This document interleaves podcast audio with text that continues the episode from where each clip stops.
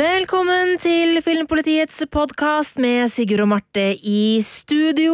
Og i dag skal det handle om fantasyfrustrasjon, fordi i en høst der to av de største fantasygigantene, altså fra Ringenes herre og Game of Thrones-universene, har gitt oss så mye glede, så hadde vi et håp om at vi også skulle få en skikkelig godbit i The School of Good and Evil på Netflix. Ja, i en podkastepisode litt uh, tidligere i denne podkasten, en som heter Ti filmer vi gleder oss til i høst, så dro jo du, Marte, fram uh, The School for Good and Evil som en ja. av filmene i høst som du gleda deg aller, aller, aller mest til. Ja, jeg, jeg gjorde det. Men nå er jo filmen ute. Den kom denne uka på Netflix, altså, og den sto ikke akkurat i forventningene.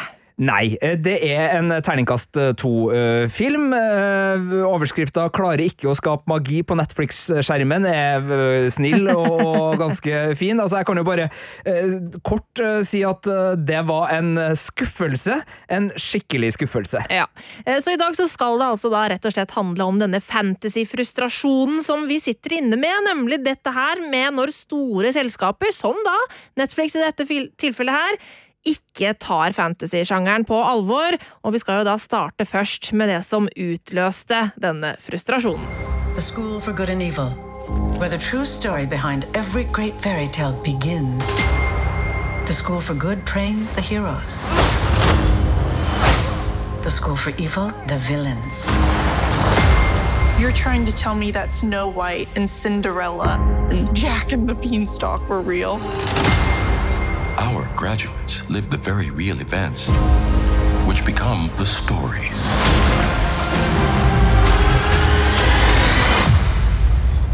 That change the world. Oi, oi, oi. The stories that change the world, hørte vi det her i Lawrence Fishburne sin uh, behagelige røst. Ja, og The School for Good and Evil er jo en uh, film som skapte forventninger, uh, både fordi den traileren vi hørte lyd fra her, jo, ser jo mye bedre ut enn filmen. Ja, den så skikkelig kul ut! så kul ut. Uh, Syns i hvert fall vi, da. Eh, men, men uh, det er jo en bakgrunn for det her òg, Marte. For det her er jo ikke en film som kommer helt ut av løse lufta? Nei, det er jo basert på en bokserie med hele seks bøker, skrevet av Soman Chanyani.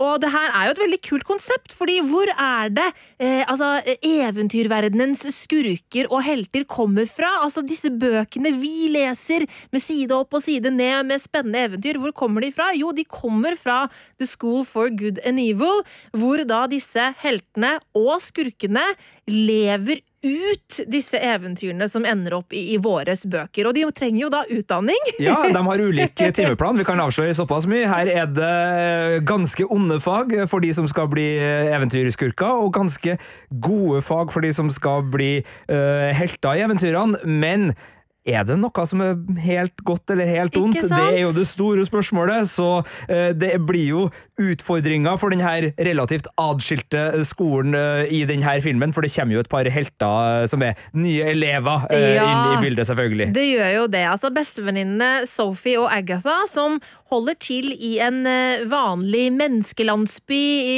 en eller annen fiktiv tid. Jeg vil si et slags sånn en eventyrlandsby. Eventyrlandsby, ja, faktisk. Takk.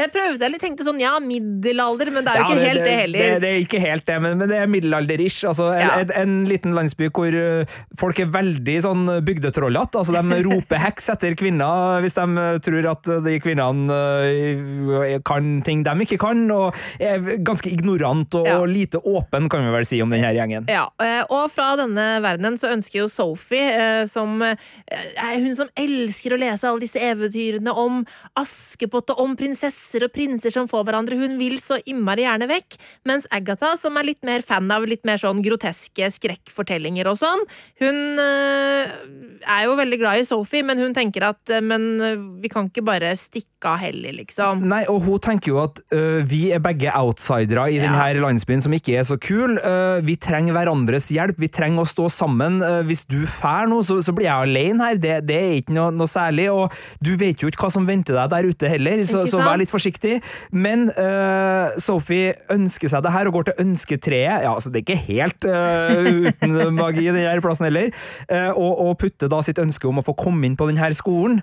Og det ønsket blir akseptert. Og, og siden Agatha da prøver å hindre sin venninne, så blir hun tatt med i det magiske dragsuget, og simsalabim, begge to er da plutselig på The School for Good and Evil. Så det er én av flere setuper denne filmen byr på, fordi den har også en intro før det her, og den begynner da på en ny intro, og den har vel egentlig så mange plottråder at det begynner å bli ganske rotete ganske fort. Ja, fordi det er jo sånn at alt er jo ikke helt som det skal være på denne skolen, selvfølgelig. Det er jo en større ting som er i gjære, og uh, er det så enkelt som at uh, hvis vi bare trener opp uh, noen gode prinsesser og prinser på den gode skolen, og noen skikkelig brekkekle skurker på den onde skolen, er det da vi oppnår balanse i universet, som på en måte er formålet med denne skolen her, da. Eh, så skjer det saker og ting. Vi skal jo ikke avsløre noe særlig sånn handling her. Nei, vi skal holde det såpass spoilerfritt at dere som ikke har sett filmen, sjøl om vi har gitt den terningkast to og kommer til å fortsette å, å, å surmule og være litt frustrert uh, framover nå, så, så, skal dere få se den. Og grunnen til at vi tar opp alle disse frustrasjonene, er ikke bare fordi at det her rammer én film vi hadde på Gleder oss til-lista. Det her er jo en tendens for noe litt større Eh, spesielt du, Marte, er jo en relativt um, Eh, skal vi kalle det, storforbruker av fantasy-sjangeren. Eh, og kanskje også da young adult-sjangeren spesielt. Og, og, det her er jo frustrasjoner som har bygd seg opp over tid, så vi skal se litt nå på hvorfor vi ikke syns den filmen her lykkes, og mhm. eventuelt uh, andre eksempler på, på ting som, som, frustrerer, og kanskje hva vi tror kan være noen, noen, gode løsninger. Ja, Men en av grunnene til at vi hadde trua i utgangspunktet på denne filmen, var jo at uh, det er Paul Feig som har regi her. Det er mannen som står bak den fantastiske fantastiske high school-serien Freaks and Geeks. Eh, og med seg på manuset så eh, har han også David McGee, som eh, har skrevet Finding Neverland, Life of Pi og også faktisk den nye Lille havfruen-filmen. Sånn at dette her er folk som vi tenkte hadde god koll på denne her type historie, og spesielt da dette med å sette et fantasy-univers inn i en high school-sjanger. Fordi Paul Feig, altså and Geeks og High School, er jo øh, virkelig på en måte en utrolig god high school-serie som, som uh, tar opp nettopp dette med å være outsidere. Uh, og det er jo noe som vi da tenkte ok, dette her har han god koll på. Hvordan blir det her inni et fantasy-univers? Det blir spennende. Og det var så mange store navn på plakaten. Altså, det var uh, Charlize Theron, det var uh, Lawrence Fishborn, som vi hørte, det var Michelle Yao, sist sett i terningkast seks-filmen Everything Everywhere oh, All At Once. Film. Kate Blanchett skulle være fortellerstamme, sånn som hun er i Peter Jackson sine Ringenes herrefilmer. Og så var det da også uh, unge, lovende skuespillere som Kit Young, Sofia Anna Caruso og Sofia Wiley, som liksom sto klar til å, å bringe oss inn i det her. Så det gjorde jo at vi hadde pumpa oss opp litt. men så jeg ser jo liksom, Martha, at jeg ser hvor vi kanskje gikk litt feil allerede der. Sånn ja, gjør du det? Fordi jo da, uh, Paul Feig har jo liksom uh, Freaks and Geeks som den, den liksom sånn store sånn, Den her ja. er laga. Ja. Så har han jo laga Bridesmaids og The Heat og Spy, altså med ja, Melissa McCarthy, og Ghostbusters i 2016. Og så laga han jo også Last Christmas i 2019.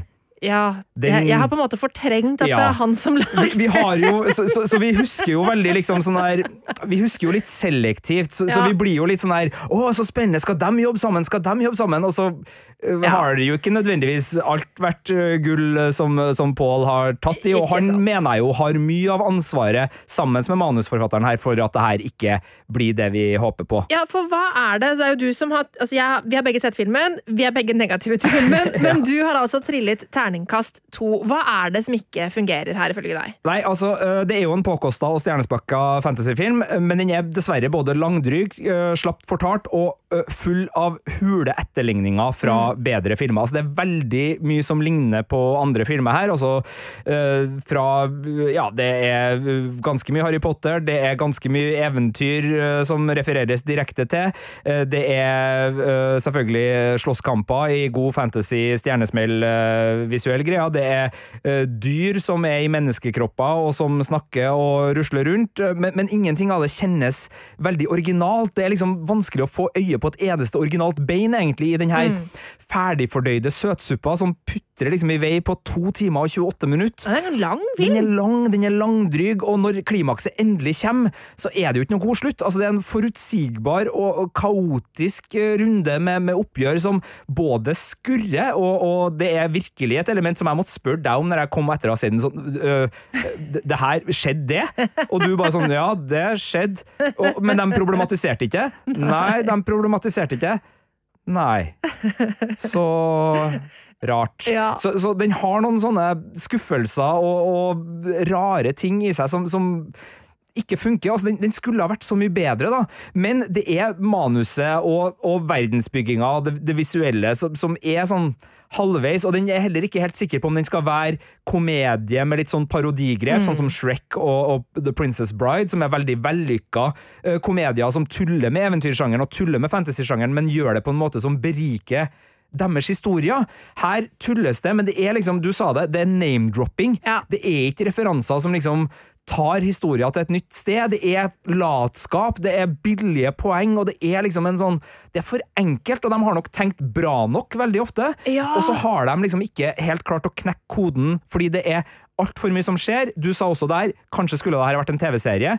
Fordi det, det rekk, altså, Så gode skuespillere rekker ikke å gi liv til figurene sine, fordi det hele tida skal skje noe nytt. Altså for å sammenligne Det her er jo eh, Det er jo basert på en bokserie, det her. eh, men jeg tenker på eh, Once Upon a Time, eh, serien på Disney pluss.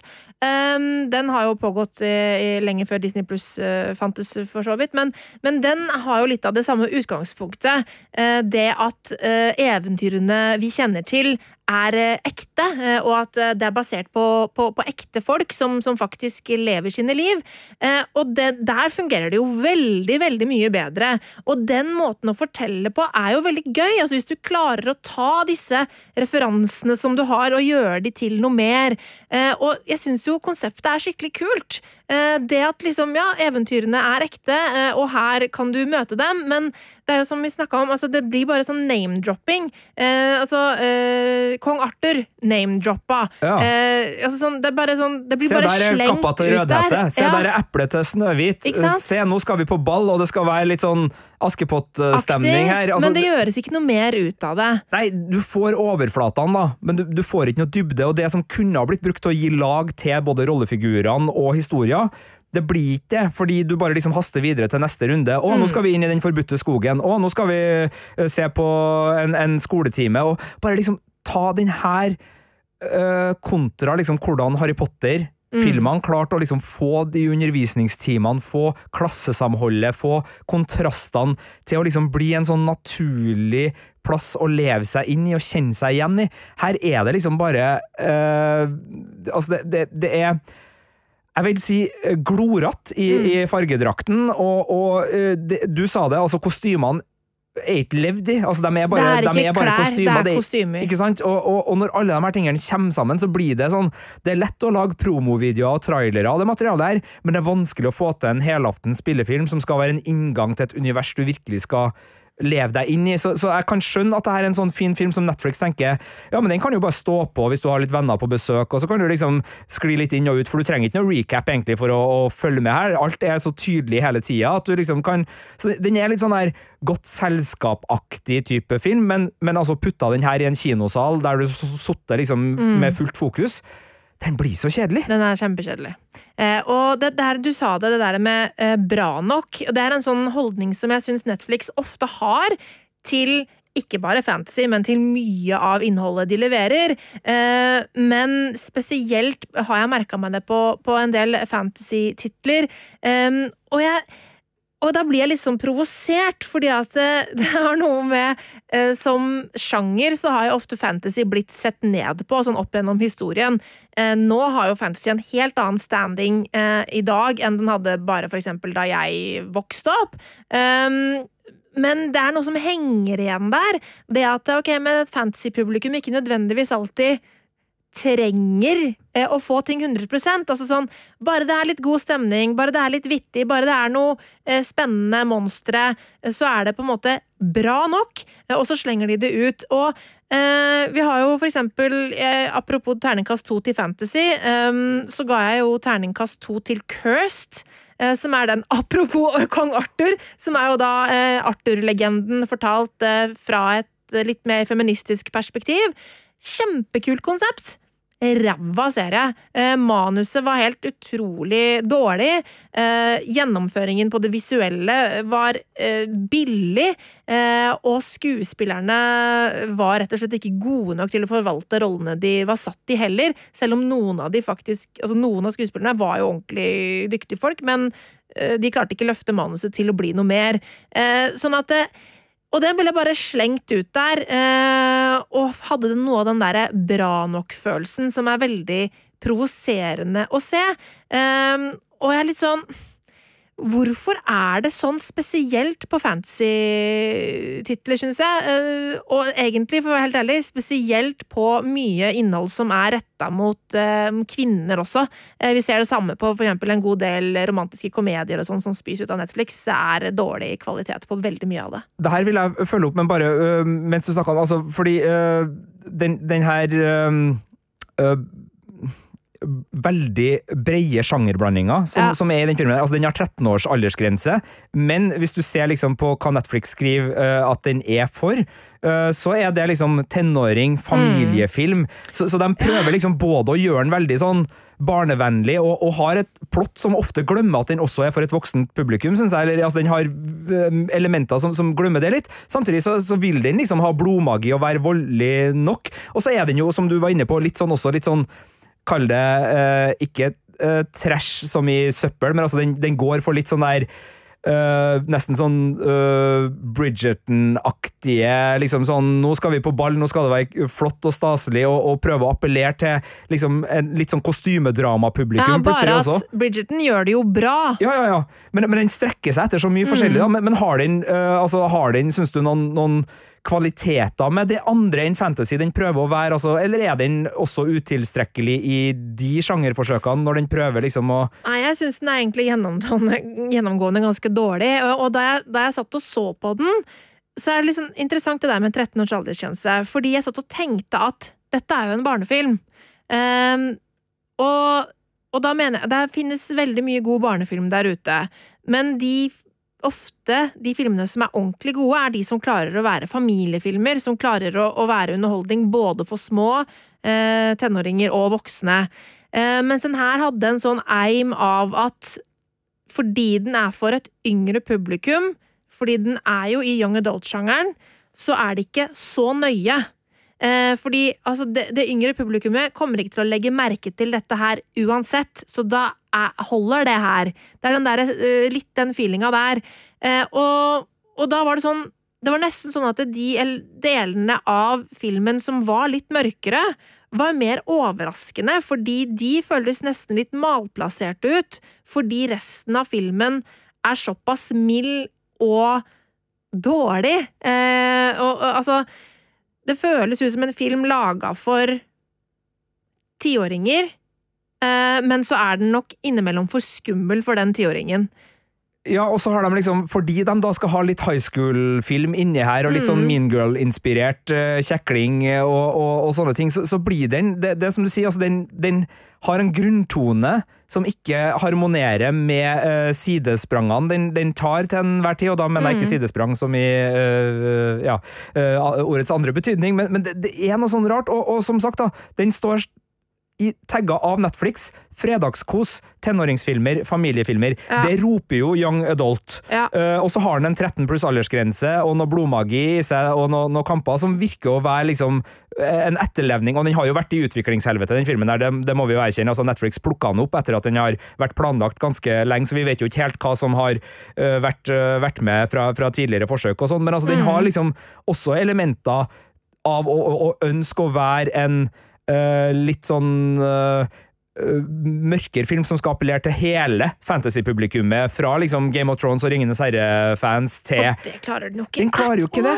Den spagaten er snedig. Men, men det var et, et, lite sidespor fra meg. Nå, nå vil jeg tilbake til det du snakka om. Altså, hva er det, tror du, som gjør at enkelte publikumsgrupper, da, som du nå har nevnt, mm. altså at, at uh, strømmere og, og, produsenter føler seg liksom bekvemme nok til å bare behandle dem som litt sånn annenrangs seere? Det er eh, et kjempegodt spørsmål, og et veldig stort spørsmål. Um, Og jeg, jeg, jeg, har jo ikke helt svaret på hvorfor det er sånn, eh, men det er jo noe med den der holdningen om hva som er høykultur og lavkultur. Det er jo absolutt noe som er inni det her. Uh, og så er jo, det er ikke veldig mye på Netflix i det hele tatt som er eh, høykultur, hvis vi skal bruke det uttrykket. Men det er jo sjatteringer eh, i disse eh, uttrykkene også. Og ofte så er det jo sånn at romantiske komedier, fantasy som er eh, ikke spesifikt retta mot menn, er ansett som lavere på rangstigen. Og det handler noe om samfunnet vi lever i, så det er et kjempestort spørsmål. Og, og det er litt sånn og, mye av det som vi da ser, er at eh, noen ganger så er det sånn at eh, filmskapere og serieskapere, og også produsenter altså fra liksom selskapenes side, ikke har respekt for sjangeren de eh, skal lage. Det er noe som jeg, ser går igjen veldig. De har ikke respekt for enten det er fantasy-sjangeren, eller de har ikke respekt for uh, uh, romantisk komedie, eller whatever. og da går, tør de heller ikke å gå all in. Sånn som vi nevnte Bridgerton i stad. Bridgerton tør å gå all in. Bridgerton unnskylder ikke hva Bridgerton er. bare i sesong to, den derre Er det vel første episode eller noe sånt, hvor, hvor de, de er ute og rir. Eh, og det er liksom eh, en, en, mystisk kvinne til hest, og eh, man, mannlige hovedrollen rir fort etter henne. og sånn. Det, det, er jo så tropete romantikk som det er mulig å få det til. Men de går all in! De bare, de unnskylder ikke det. Ja, vi er romantikk. Vi, vi, vi spiller 100% på det. Og når du tør å gjøre det, da blir det bra. Men når du er litt flau over innholdet du lager, som er litt sånn inntrykk Eller når du ser ned på innholdet du lager, da blir det The School for Good and Evil. Det, det, det, er veldig interessant, uh, akkurat det der med hvem er det som lager den type fantasy som er retta mot et yngre publikum, og som kanskje egentlig uh, prøver på noe de ikke lykkes med. Og Hvis man ser da til skrekkfilmsjangeren, og tar det du snakka om nå, altså, der er det jo en eh, store subkulturer rundt det eh, Både trash og, og, det som er liksom eh, ikke tenkt å være noe annet enn underholdning. Det skal bare mm. liksom, Du har et sjangerpublikum, du skal underholde dem. De liker en del ting som er liksom litt sånn Ja ja, det der er nå egentlig veldig enkle gleder, men det dyrkes mm. som enkle gleder. Netflix får det også bedre til med romantiske komedier, typ Juleprinsen mm. og, og, sånne filmer, hvor de bare liksom sånn her Ok, det er mange som liker dem her, og de liker dem skikkelig såpete, og, og, det som øh, kino, altså de store filmselskapene ikke har lyst til å lage, det her er liksom tidligere rett på TV-filmer. Vi dyrker det. Vi gjør det enda Mm. Uh, mer uh, Altså, vi skrur opp alle bryterne, sånn at publikum virkelig får det til. Men på da uh, den young adult-sjangeren, som er liksom fantasy for et publikum, så virker det ikke som de helt vet hvem er publikummet, og hvordan skal vi liksom skru opp, hvordan brutere skal vi skru på? Mm. Altså Her virker det som de har bare liksom gått inn på kjøkkenet, skrudd ovnen på helt tilfeldige. Den plata skal vi egentlig ikke bruke, men jeg skrudde den på maks, og så skrudde jeg den plata vi trenger for å liksom holde hele gryta i gang. Den står på to, og så vet ikke jeg hva jeg altså, Det virker ikke som det er en sånn finesse, og, en, og altså, dem som lager det, har ikke helt forstått hvem de lager det for, eller hva de skal gjøre med det. Og, og det er vel kanskje en del av frustrasjonen vi som er glad i fantasy, mm. kjenner på, når gang på gang det som liksom kunne ha vært, i hvert fall, artige godbiter for oss som er glad i sjangeren, som liksom dyrker de sjangergledene som er enkle, selv om budsjettet kanskje ikke er maks. Her er jo budsjettet maks òg, sikkert, ja. men, men, altså det, åh, Og de vet jo at vi liker practical effects. Har de hørt på nok podkaster fra Filmpolitiet? Ja, det er veldig mye green screen i den filmen der, altså. Ja, det er ikke bra. Så får de det av og til til. Uh, Shadow and Bone, for eksempel, eh, er en god fantasyfortelling som er jo Jeg vil si at den er innafor young adult-sjangeren. Den handler om uh, veien fra ung til uh, ung voksen. Um, og handler jo også delvis om å være på et akademi hvor man skal lære nye ting og, og utvikle seg selv som person og sånn. Uh, og det er jo Altså, det er jo noe med den young adult-sjangeren som og det er sikkert grunnen til at jeg, jeg leser en del young adult uh, i tillegg til mer sånn high fantasy-type ting. Um, det handler litt om den derre oppvekstskildringen, den overgangen fra ung til voksen, det er sånne universelle temaer som, som er spennende, samme hvilken alder du er. Det, og derfor men man merker også forskjell i litteraturen, hva som er skrevet spesifikt for et veldig ungt publikum, og hva som er fortsatt i young adult-sjangeren pga. tematikk, eh, men hvor forfatteren kanskje behandler det med større respekt, eller er dyktigere til å skrive, rett og slett. da. Um, hvor du får på en måte en mer tidløs fortelling som, som uh, appellerer til uh, de som er over 20 også. uh, sånn at, og, og, akkurat den der skoledelen som vi jo er inne i her, det er jo et kjempespennende sted å være. Eh, fordi at da får vi jo akkurat de der overgangene, og, eh, og bare sånn high, high school-sjangeren, det er jo den som liksom vi ofte putter da inn i fantasy, og det er jo en sjanger vi, vi elsker. Ja, og, og det, det, er jo ikke sånn at det ikke funker hver gang. Altså, ta en serie som Sabrina, da, som, som kombinerer egentlig alt det vi har snakka om her. Ja. Den, den, går uh, all in på å være en hekseserie med glimt i øyet. Ja, ja mm. altså den nye Netflix. Uh, ja. Uh, og den uh, er god som uh, Eller den er ikke veldig god, men den, den prøver i hvert fall helhjerta å være en ålreit uh, high school-serie med skoleklikker og ulike så, jocks og, og mm. nerds og alt det der. Altså bare overført. Den har rollefigurer vi bryr oss om, og som vi skjønner reiser til, og som vi lar oss engasjere i. Mm. Og den er passe liksom sånn trashy i detaljene, i kulisser, i utsnitt. altså Det er masse der å liksom glede seg over. Det stemningsskapende, det er liksom øh, fengende, og den har liksom nok saftig drama til å, å klare å holde oss i det sjøl når det kanskje liksom ikke er det, det mest spennende. Ja. Uh, så, så, det er jo ikke at det ikke går, uh, men, men, her Altså, det er jo flere liksom, elementer som, som, ikke er på plass en del plasser, og det er jo spesielt den følelsen av at man liksom ikke er i øyehøyde med dem som har laga det, som, mm. som, kanskje kan være eh, noe som, som, river ut av oppmerksomheten. Og så er det når man kjenner at det er for kalkulert, og det gjør vi jo. Eh, jeg så en annen, eh, jeg så på en gammel anmeldelse av en fantasyserie som også er på Netflix. Det blir mye Netflix her nå. Bare igjen si at det her gjelder flere i Netflix, altså. Ja, ja, ja. Men uh, Brevet til kongen var en fantasyserie som kom i jeg tror det var 2020, uh, og som hadde liksom Andy Circus, og som hadde liksom uh, Kim Bodnia, Jakob Oftebro Det var liksom flere kjente skuespillere, og det var liksom en serie som la seg opp for å være en litt sånn mer middelalderaktig serie. da, Og det jeg mm. skriver i anmeldelsen min, her, ser jeg, er jo at det her er liksom Det bærer preg på å være svaret som kommer ut hvis en mater inn ordene fantasy og populær i et dataprogram og ber maskiner hoste opp et kostnadseffektivt manus. Den er basert på en gammel barnebok, den her òg.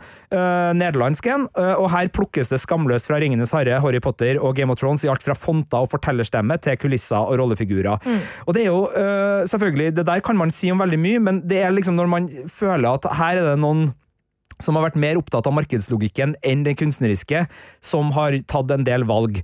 Da, da, bli, da kjenner ikke man seg ivaretatt. Da kjenner ikke Altså, da da føles ikke ekte. Og, og selv om fantasy og ektehet kan høres ut som et motsetningspar her, jeg trenger at fantasien jeg skal fordype meg i, oppleves oppriktig og mm. troverdig og ekte, og at dem som har laga det, mener det, og at dem som øh, liksom øh, De historiene som skal fortelles der, er liksom Det, det er ikke noe sånn der Ja, ja, vi tror jo egentlig altså, det, det, må være fullt og helt, og derfor så lurer jeg på sånn I bøkene så er det jo forfatteren personlig som putter det her inn. Når det kommer til en skjerm, enten i film eller serieform, så har det jo blitt både kjøpt opp, det har blitt uh, tygd på, det har blitt kasta gjennom noen manusrom, og så skal det presenteres av noen av og til, av noen som har stor kjærlighet til det. Av og til så er det liksom sånn Ja, den jobben kan jeg ta. Og jeg frykter jo at det er litt der det ofte går galt i en del sånne fantasy-adopsjoner. At man liksom man vet at man har et publikum. Man vet ganske mye om publikummet, man har gjort markedsundersøkelsene, man vet hva de liksom uh, er mest opptatt av. Og så bruker man liksom budsjett og muligheter og de liksom tingene man har til å lage et produkt som forhåpentligvis skal gå godt, og det er jo veldig viktig, og, selvfølgelig det er viktig for bransjen at produktene eh, har et publikum, jeg skjønner jo det, men, men at det liksom mister en del av magien mm. uh, i den overgangen, da. For det er jo veldig mye av det her som er bokbasert. Det er jo det, og så er det jo sånn at det er jo mye uh, fantasy-litteratur og young adult-litteratur som uh, har uh, problematiske ting i seg. men det er jo noe med fordelen til en adopsjon, at fra bok til serie eller film, så kan man gjøre ting bedre også, ikke sant? Og, og gå dypere inn i en materie, eller opphøye noe som ikke helt funka, eller ikke sant? Man har mange muligheter. Um, sånn at det det er så utrolig Og når du holder på i en verden eh, hvor mulighetene er så store, så blir det ekstra frustrerende når eh, de mulighetene ikke tas, da. Eh, jeg, har bare, jeg, har et annet eksempel fra eh, en eh, bokserie som eh, jeg har lest i Young Adult-sjangeren for en god del år siden, uh, i forbindelse med at det skulle komme en film. Det var vel i 2014. Uh, eh, Vampire Academy heter den. det er ikke verdens beste bokserie, liksom, men det er en underholdende vampyr-young adult-serie fra Richelle Mead, som handler om da på en måte de adelige vampyrfolka på kostskole og vokterne deres. Uh, ja, og så er det, en, det er en bokserie om vennskap, finne seg sjøl, utenforskap, uh, ja, mye sånn der type ting. og den filmen floppa totalt. Det ble aldri noe oppfølger, selv om den slutter med en åpen slutt fordi at den skal få flere filmer etter seg. men den, ja, det var 2014. jeg tror kanskje den rakk å komme i en tid hvor folk hadde begynt å latterliggjøre Twilight. Uh, og det er jo sånn derre Det er veldig interessant, det der. Og man ser det for det meste, og nå blir jeg veldig sånn der å, politisk korrekt uh, type, men, men, det er en sånn derre greie som går rundt omkring, eh, som er ganske toxic, som handler om at når det er sjangre eller ting som jenter, og spesielt unge jenter, liker, så blir det etter hvert latterliggjort. Sånn som for eksempel Twilight. Eh, og jeg Det er mye problematiske ting i Twilight, både bok og film. Jeg sier ikke på noen måte at eh, det der er en perfekt filmserie at all, eller en perfekt bokserie, eh, men det er noe med den der latterliggjøringen som man ser i samfunnet da, på den type sjanger. Eh, som er litt sånn frustrerende å være vitne til. Eh, og Vampire Academy-filmen kom litt sånn inn i kjølvannet av eh, den greia som var rundt Twilight i den forbindelse, og, og det gjorde at de ikke turte å gå, gå, all in, apropos det. Og det som skjedde der, var at eh, regissørene eh, for den filmen, eh, som egentlig da burde hatt veldig mye sånn ektefølte ting og ektefølt tematikk, og turt å liksom gå dypt inn i materien på, på hva dette her handler om, og, og liksom tørre å være eh, oppriktige. Eh, de henta inn regissørene, altså Waters-brødrene, eh, og det er jo da Han ene er regissøren av Mean Girls, eh, han andre er manusforfatteren på Heathers. Og det var sånn, De er flinke folk, men det sier litt når, når du på en måte henter inn den type eh, filmskapere inn i et univers som ikke er det. Fordi at det var det som var populært da. Nå skal vi være litt sånn snappy og quirky og high school eh, på den måten, istedenfor å tørre å gå all in i vampyrsjangeren og alt mulig sånn der. Og så er det jo sånn at det er begynt en, er begynt en uh, Vampire Academy TV-serie nå i USA, som ikke har kommet til uh, Norge enda. Jeg vet ikke helt om den er noe særlig bedre, dessverre. Uh, men det er nå i hvert fall det er noe som er tankekors da, som jeg syns går igjen på veldig mye av den type litteratur som blir til film og TV-serier. Det er jo også interessant, og, og det har vi jo øh, ikke tatt inn over oss, men altså vår appetitt og strømmetjenestene spesielt, da, sitt, sitt, behov for øh, innhold er jo en del her. Og sjøl om jeg godt kunne tenkt meg at The School for Good and Evil hadde sagt snipp, snapp, snute på slutten av sitt eventyr, så vil det neppe skje, fordi Netflix har ganske god øh, mulighet til å påvirke hvilke titler publikum ser. Altså, De kan putte denne filmen ganske høyt opp i, i spilleren din, og da begynner du på den.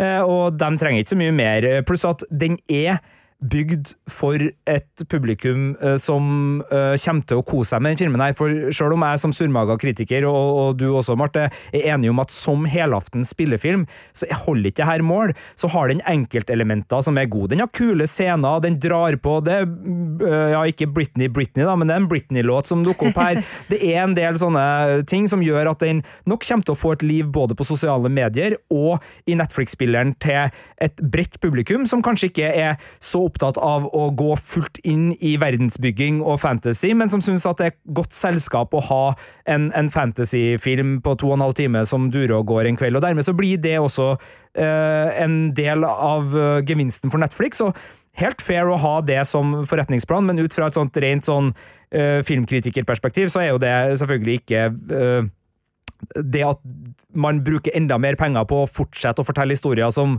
vi kanskje ja. mener at hadde Men det er jo litt problemet, og det er jo litt det vi snakker om nå. Det er så stort behov at sjøl når ting ikke går godt, eller sjøl om ting liksom ikke har funka, så blir det gjenopptatt, det blir plukka opp igjen, det blir videreført. Uh, fordi det er et marked for det, og så blir det da ofte ikke brukt tilstrekkelige ressurser heller ikke på runde to eller runde tre, men det blir liksom bare det blir videreført. og Det er jo bra for en bransje som sysselsetter, og det, og det har jo positive ting. og Plutselig så kommer det jo noe helt fantastisk ut av det. Men det er jo det der med at alle konkurrerer med hverandre, og alle vil ha sin greie. og Netflix har jo jakta fantasy-giganten uh, sin. Ja, de har jo virkelig det. De har uh, slitt litt med den. De har fått til en del. De har fått til Sandman, de har fått til Witcher. De uh, kommer nok til å, å, få gode tall på The School for Good and Evil, og det satses jo mye på, på en del her, men opp mot det HBO Max da, med Game of Thrones og House of the Dragon, og det Amazon har fått til med Wheel of the Time, og spesielt uh, Wheel of the Time. We love the time! Ja, we love the time! ja. uh, Wheel of Time og Ringenes herre, så, så er det jo klart at uh, Netflix har enda ikke blitt den strømmeren som forbindes med fantasy. Nei. Både fordi at de er såpass brede at de forbindes med andre ting. Altså, vi har jo akkurat feira tiårsdagen til Netflix her mm. i, i, Norge og sett liksom på hva husker vi best, og de tre flaggskipene som dukka opp, var jo House of Cards, uh, The Crown og Bridgerton. Stranger Nei, Things. Stranger Things, selvfølgelig. Mm. Ja, og Bridgerton som en sånn, altså sånn. Og av dem så er jo Stranger Things en fantasy-serie, så de har det jo, men den er også en sci-fi-serie og en konspirasjonsthriller-serie, så den mm. er liksom Den er litt sånn bortenfor. Den, eh, den har fantasy i seg, ja. men det er ikke en ren fantasy-fortelling på den måten. Det er en overnaturlig sci-fi-serie. Ja. Selv om vi jeg, jeg, ser at jeg møter meg sjøl i døra her, folkens. Jeg, jeg, gjør det. Det er Så enkelt skal det ikke være. Men, men, det er jo også en del av det, og det er jo i toppnivået, men det gjør jo også at liksom uh, hvis du først har et fantasy-publikum, så vil du jo gjerne gi dem mer. Titter du fortsatt, vil du se litt til. HBO gjorde jo det der med å skaffe seg ganske mye. Mm. Uh, skal vi kalle det andresortering fantasy-serier en periode, med, som ikke er dårlig, men altså som ikke er på det budsjettnivået som, som Game of Thrones. Men, men, hva var det de hadde? De hadde var The Magicians på ja, HBO? Men uh, ja, Den lå på HBO Nordic tidligere. Nå ligger den på Sky Showtime-kanalen, og ja, det er vel der den er, tror jeg. Men, men, den er jo den tar jo sjangeren på alvor, ja. og den er jo en, et godt eksempel på fantasy-skole som faktisk fungerer. Og den tør å være så weird og tør å være så mørk som den skal være. Og så er det jo på en måte så ser du jo ting går igjen i budsjett og sånn, ikke sant? At uh, sosialeffekten ikke alltid er like gode og sånne type ting. Men det handler om uh, hvilken uh, Altså hvor den er, hvem som er laga den, eller hvor den, hvor den er opprinnelig laga. Um, mer enn at de ikke har respekt for sjangeren. For det opplever jeg absolutt at The Magicians har, og den, den er egentlig ganske god hvis man har lyst til å se en ja, en, en fantasy-serie som har fått til den derre skoletropen, da. Um, det, ja, Sky Showtime det er vel det den strømmetjenesten heter nå, er det ikke det? Den heter det. Het ja. Paramount Pluss ja. uh, for, noen, uh, for, en måned siden, men nå heter den Sky Showtime, så det, den har fått nytt navn, ja. Men, men, ja, så det er, er, det er, mye Det er gode ting, men det er òg mye ræl i fantasylandskapet, og, og vi har jo hatt en fantastisk høst, sånn at det er ikke sånn at jeg altså klager eh, sånn over å være eh, altså Det er en fin tid å være fancy-nerd på. Altså, både House of the Dragon og eh, Rings of Power har jeg storkosa meg med, men jeg blir forbanna når jeg ser uh, store selskap som da for eksempel Netflix pisse på oss. Ja, det er i hvert fall ingen tvil om at det er eh, en del åndelig latskap i adopsjonen av The School for Good and Evil, som da ikke får mer enn terningkast to, og det terningkastet er vi vel enig i, Marte? Ja, helt enig med din terning. og det er ikke fordi at den ikke har gode ting, men altså for å få sagt veldig tydelig fram at den er dårlig så kan ikke vi gi tre. Nei, for Fordi tre betyr jo middels. middels. Og den er under middels. Den er under middels, og, og spesielt slutten Ikke helt slutten, slutten, men uh, det, det klimaksslutten, altså der uh, good and evil skal, skal møtes. For uh, ja, det, den er jo veldig opptatt av at vi ikke skal uh, gjøre sånne forenklinger i denne filmen, nå som den gjentar til det kjedsommelige. Men ja, det, det er der den liksom også bare sånn her Ja. Nei, det her var ikke det jeg hadde håpa på. Så for all del, sett den på og, og gjør opp din egen mening, og, og elsker du fantasylandskap og, og skoler som ligger ved innsjøer og har magiske skoger ved siden av seg, og masse eventyrreferanser, så får du jo eh, to og en halv time med massevis her. Men jeg må bare si, jeg er jo en person som kan tillate en god del. Jeg ja, kan jeg, se jeg hadde trodd at du skulle tillate Ja. litt mer på den her, faktisk. jeg kan, ja. jeg kan se terningkast tre-serier Ja, og kose meg med det hvis det er et landskap jeg trives i. sant? Ja. Eh, Jeg, jeg kan se en del ræl, Ja. bare fordi at åh, jeg koser meg ved det. Det er digg. Det er, Ja, du er, sier ofte det når jeg er er litt sånn surmaga, Det sånn, altså. det er sånn, ja, det er bra trash, jeg koser meg med det. Det her er ikke bra trash. Nei. Det her er uh, slepphendt arbeid eh, fra Netflix, og derfor er jeg helt enig med din terning, Sigurd, på The School of uh, Good for The School for Good and Evil, terningkast to. Eh, nå har vi ranta litt grann, eh, Mm. om vår eh, fantasy-frustrasjon. Hvis du som hører på har eh, andre temaer du mener vi bør ta opp i denne podkasten her, så må du bare sende det inn til oss. Filmpolitiet at nrk.no. Der når du oss hvis du har noen forslag til ting du mener vi bør diskutere. Ja, og så vil jeg bare hive inn at Hvis du tenker at å, men jeg hadde jo gleda meg til den, så går det fint an å se igjen både The Princess Bride og Shrek som alternativ når det gjelder å tulle med eventyrsjangeren, som et par strømmetips der på, på hvor er det vi eventuelt eh, finner de to? Da må du, når du, når du slenger det ut, Sigurd, så må du informere Det hvor vi finner det. Ok, så kan du uh, da bare liksom uh, høre meg snakke mens jeg sjekker Ja. en ting, for jeg tror Shrek er det lenge siden ligger på. Netflix, ja. Shrek, Shrek. ligger på Netflix, med én og to og Shrek den eh, tredje. Uh, Og så eh, var det eh, da eh, eh, Det er lenge siden jeg har sett Shrek. Så nå skal jeg komme med en personlig, eh, personlig eh, avsløring her. Den første filmen eh, Eller noe av det første jeg gjorde sammen med min nåværende mann Vegard, var å se Shrek 2 da vi først møttes. Så den har jeg ganske nært forhold til. Kanskje det er den jeg skal plukke opp eh, for å bøte på skadene etter å ha sett eh, The School for Good and Evil. jeg tenker at det skader aldri å se Jeg har også DVD, jeg kjøpte DVD-en med den der juleepisoden av Shrek. Å, Nå, jeg har et usunt forhold til julefilm, så jeg eh, hadde for en sånn Ja, det er vel en ti år siden nå, så drev jeg og kjøpte veldig mye.